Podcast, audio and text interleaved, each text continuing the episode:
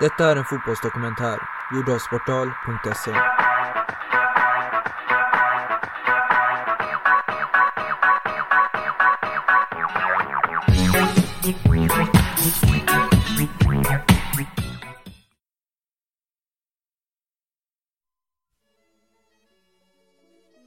Brasiliens största dröm är och kommer alltid att vara att vinna VM hemma i Brasilien, på Maracanã. Som närmast var man 1950, när drömmen var mycket nära att gå i uppfyllelse. Men det blir inte alltid som man tänkt sig. Och när målsättningar och förväntningar inte uppnås, då letar man efter syndabockar.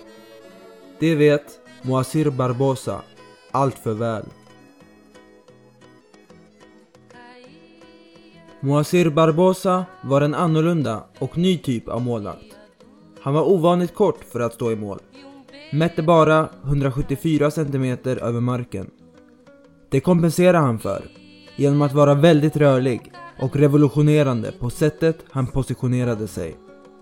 Istället för att hålla sig inne i målområdet hela matchen, likt de allra flesta målvakter på den här tiden, rusade Barbosa ut för att mata bort inlägg och parera frilägen. Han var mörkhyad och landslaget hade aldrig haft någon mörkmålakt tidigare. I den här tidens Brasilien generaliserade man gärna mörka spelare som duktiga offensivt, ofta snabba och tekniska, men inte tillräckligt pålitliga defensivt. Detta i kombination med hans ovanliga spelsätt skapade vissa tvivel bland befolkningen. De var vana vid föregångaren Oberdan Catani som blivit ett slags ideal för en brasiliansk målvakt. Catani var lång, bredaxlad och solid. Han gjorde måhända inte de spektakulära räddningarna, men han var alltid en stabil och trygg sista utpost. Under tiden då Barbosa fortfarande var backup i landslaget fick han starta en match då Catani var skadad. Barbosa släppte in två mål på en halvlek och Catani fick bita ihop och stappla in i halvtid. Men Barbosa gavs chansen igen och tog den. Han gjorde succé med sin elastiska och smidiga spelstil. Och lagom till VM 1950 var han given i startelvan och sågs som en av världens bästa målvakter.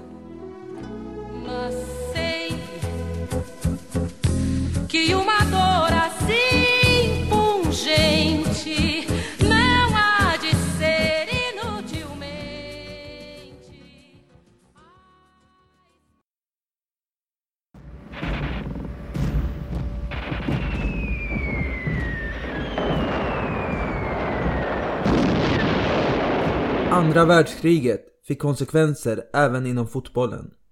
Sedan 1942 och 1946 års mästerskap hade ställts in var det år 1950 dags för världens största fotbollsevenemang att åter göra entré.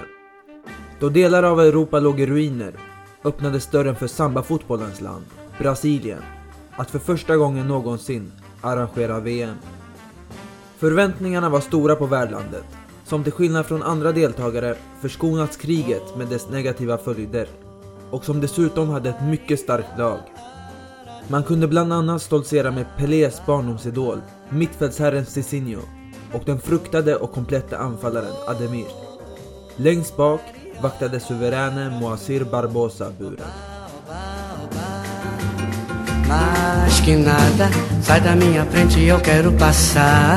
Pois o samba está animado, o que eu quero é sambar. Esse samba que é misto de maracatu. É samba de preto velho, samba de preto tu. För att ge sitt historiska hemma-VM alla förutsättningar att bli fullkomligt byggdes en ny arena med kapacitet för 155 000 åskådare, Maracanã. Det var den arenan som höll i öppningsmatchen, där brassarna övertygande besegrade Mexiko med 4-0. Därefter spelade Brasilien oavgjort mot Schweiz och slog Jugoslavien, vilket gav en gruppseger och avancemang till finalrundan. Festen var igång, publiken strömmade in, Ademir öste in mål och Barbosa höll sina nollor. Det såg onekligen lovande ut.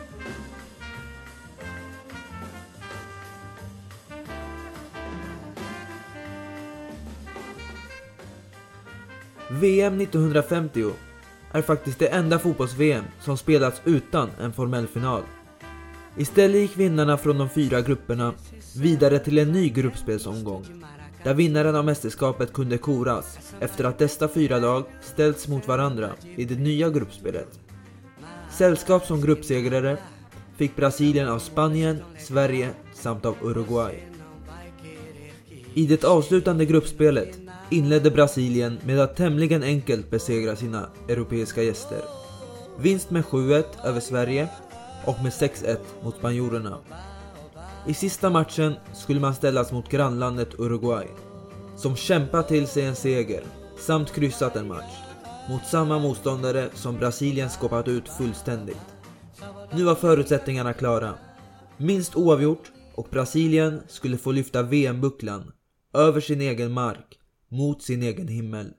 Var det för bra för att vara sant?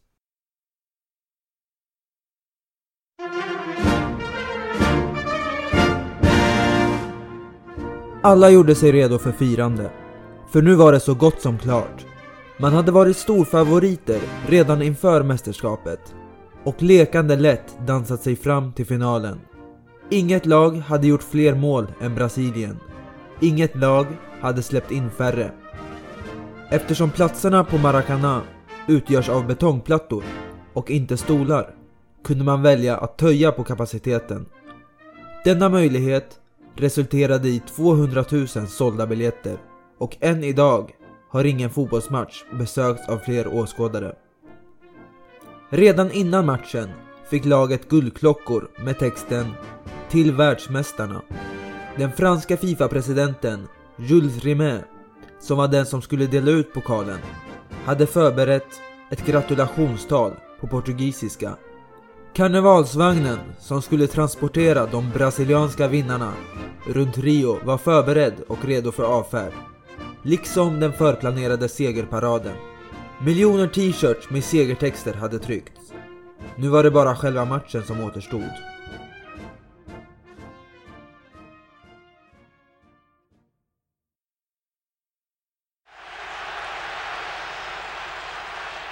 När första halvlek spelas klart var matchen fortfarande mållös. Men det var Uruguay som hade skapat de farligaste målchanserna. Uruguay hade pressat på och vore det inte för målvakten Barbosas storspel kunde ställningen varit annorlunda. Bara två minuter in i andra halvlek tog Brasilien ledningen och euforin var total bland de knappa kvarts miljonen människor på läktaren.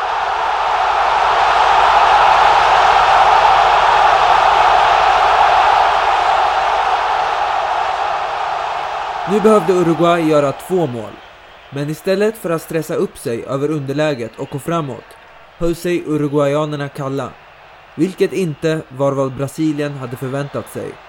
Man tog det lugnt och lät brassarna fortsätta att hålla initiativet och anfalla.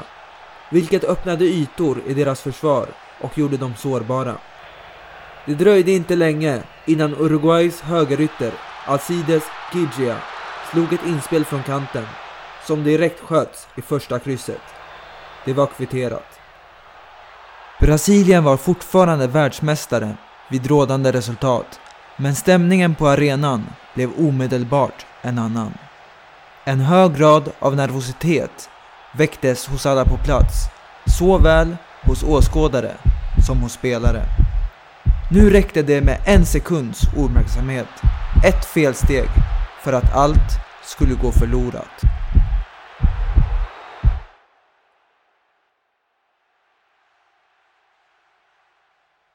Med 10 minuter kvar av matchen befinner sig Gigia återigen i inläggsposition. Flera spelare finns som alternativ i straffområdet, redo att stöta in bollen i mål. Barbosa tar ett par steg framåt för att bereda sig på inlägget som var på väg. Istället väljer Gigia att skjuta.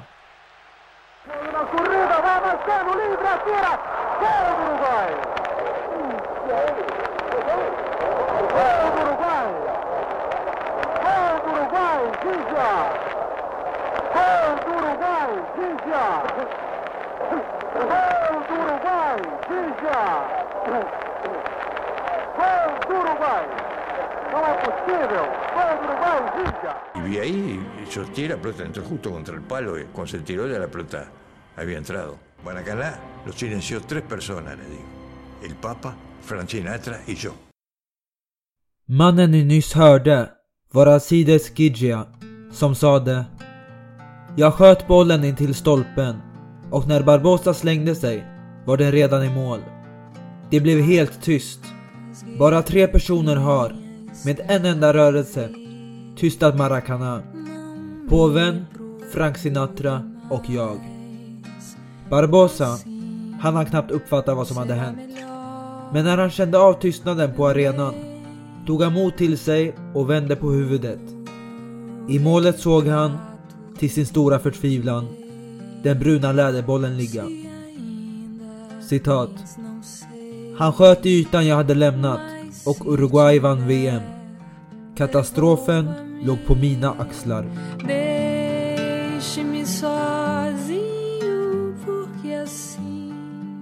Medan Gigia blev hyllad som en hjälte av sitt folk tog livet en motsatt riktning för Barbosa. I landslaget fick han inte spela mycket mer. Det blev bara en ytterligare landskamp efter mästerskapet. Men matchen mot Uruguay kom att förändra inte bara hans karriär, utan hela hans liv. Adoptivdottern Teresa berättar följande. Min far blev korsfäst. Han fick inte de pengar förbundet lovat. Han kastades in i elden. Det var inte bara Barbosa på planen. Det var tio andra spelare också. Efter finalen valde Barbosa att isolera sig i sitt hem. Utan att träffa besvikna människor eller att läsa tidningarna i vilka han sågades. Genom en lagkamrat fick han dock höra rykten om att det fanns människor som planerade att bränna ner hans hus och Barbosa tvingades att lämna det för en tid. Livet blev aldrig sig likt för Barbosa. Under resten av sin karriär buades han ut när han spelade sina klubblagsmatcher. Och efter karriären nekades han både tränaruppdrag och kommentatorsjobb. Han utsågs till VMs bästa målare. Men det var det ingen som brydde sig om. Istället blev han för evigt ihågkommen som den skyldige till en nationell katastrof. One about Barbosa, who continues to be haunted, the legendary goalkeeper on that shocking defeat for Brazil. The last until Alcides Gija raced clear and fired in a shot that beat Barbosa at his near post. It was 2 1 to Uruguay, and 11 minutes later they were crowned world champions for a second time. The Maracanã Stadium is a special place. It was built in 1950 for a FIFA World Cup and was the largest stadium the world has ever seen. But there are those who say that bad spirits stalk the corridors, reminders of a day the nation would rather forget.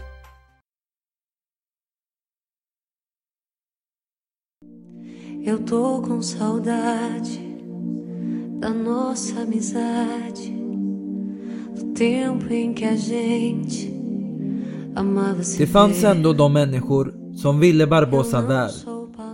En dag var det dags för Maracana att byta ut sina föråldrade målstolpar av trä. Den ansvarige ville visa sin uppskattning för Barbosa. Och som en symbol över hur väl han alltid vaktat målet i alla år gav han honom stolparna. Barbosa eldade upp dem. Tiden läker alla sår, brukar man säga. Men ibland kan det nog röra sig om väldigt lång tid. När Barbosa en dag var och handlade mat, 20 år efter sitt livs misstag, fick han erfara att han kanske aldrig skulle bli förlåten. Att detta minne skulle hemsöka honom genom generationer av människor. En mor fick syn på honom i affären och pekade ut honom för sin son. Titta, han är mannen som fick hela Brasilien att gråta. När Brasilien senare förberedde sig för VM 1994, nästan ett halvt sekel efter finalen mot Uruguay, visade det sig att ärren satt kvar än. Barbosa begav sig till Brasiliens träningsanläggning i avsikt att hälsa på och ge sina lyckönskningar till laget. Så blev det inte. Han fick veta att han inte var välkommen då ledningen var rädd att han skulle föra med sig otur. I en intervju kort därefter sade Barbosa så här. I Brasilien är det längsta straffet du kan få för ett brott 30 år. I 43 år har jag nu betalat för ett brott jag inte begått. Till och med en kriminell blir förlåten när han har avtjänat sitt straff. Men jag har aldrig blivit förlåten. Efter att Barbosa blev oönskad i landslaget fick svarta spelare det svårare generellt i Brasilien. De drabbades lättare av kritik än vita spelare och man blev mer försiktig med att ge dem chansen. Så småningom förbättrades situationen med undantag av en position. Det dröjde nämligen hela 56 år innan en svart målvakt, Nelson Dida, vaktade kassen i en VM-match igen. Dida tyckte att det var dags att förlåta. Barbosa gjorde mycket för laget, men sen behandlades han som skräp efter matchen. Han utsågs trots allt till VMs bästa målvakt. Han gjorde mycket för brasiliansk fotboll. Det är viktigt att peka ut de bra saker han gjorde. Barbosa tillbringade sina sista år i Praia Grande, en liten kuststad där han slapp bli igenkänd av allt för många. Han levde på 730 real, motsvarande 2000 kronor i månaden, och bodde ensam sedan hans fru dött i cancer. Det där ögonblicket mot Uruguay var honom ständigt närvarande. Jag tänker på det målet hela tiden, säger Barbosa. Till och med när jag sover, då drömmer jag om målet. Jag har spelat upp det i mitt huvud tusentals gånger. Var misstaget i själva verket så stort? Gidja hade slagit ett inlägg från samma position vid ett tidigare skede av matchen, vilket resulterat i ett mål. Och han förväntades nu göra om aktionen. Sett till hans läge hade ett inlägg egentligen varit det mest lämpliga. Och då bör en målvakt vänta sig det. Barbosa igen. Tekniskt sett gjorde Gigia fel sak och det fungerade. Jag gjorde det rätta och det misslyckades. Vissa accepterar min förklaring, andra inte. Oavsett om jag misslyckades eller ej finns det inget sätt att gå tillbaka i tiden.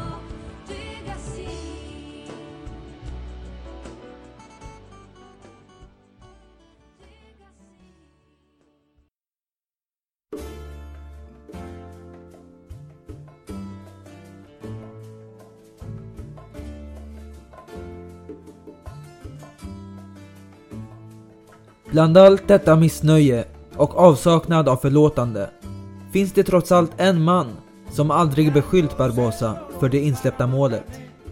Han är gammal nu, men inför VM i Brasilien 2014 ställde han ändå upp på en intervju. Jag och Barbosa var vänner. När våra klubblag mötte varandra var han alltid den bästa spelaren på planen. Mannen som citeras är Oberdan Catani han som innehade platsen i Brasiliens mål innan Barbosa tog den ifrån honom. Catani var på Maracana och såg Brasilien låta VM-pokalen glida ur deras händer. Men han såg något annat än de flesta andra brasilianarna. Catani hade bevittnat ett kollektivt misstag. En hel lagdel som felade, inte en ensam målvakt. Jag var på matchen, berättar Catani. Jag grät hela vägen från Rio tillbaka till Sao Paulo. Men det var försvaret som misslyckades. Han var inte skyldig, inte Barbosa. Brasilien skulle få chansen att revanschera sig. När VM alltså återigen arrangerades i deras land, år 2014. Det hela slutade i en katastrof och ett uttåg med 1-7 i semifinalen. Landslagets största förlust någonsin. Den här matchen fick Barbosa bevittna från himmelen och kanske innebar den att han slutligen blev förlåten 14 år efter sin död. Själv hade han åtminstone varit en silvermedaljör, inte råkat ut för en förnedring av detta slag. Barbosa skulle inte längre hållas som ensamt ansvarig över att ha fått hela Brasilien att gråta. En sexmålsförlust är dessutom svår att klandra en enskild spelare för, så Barbosas förbannelse skulle inte behöva gå i arv. Tiden hade äntligen låtit såret läka. llego a Puerto voy para Miami.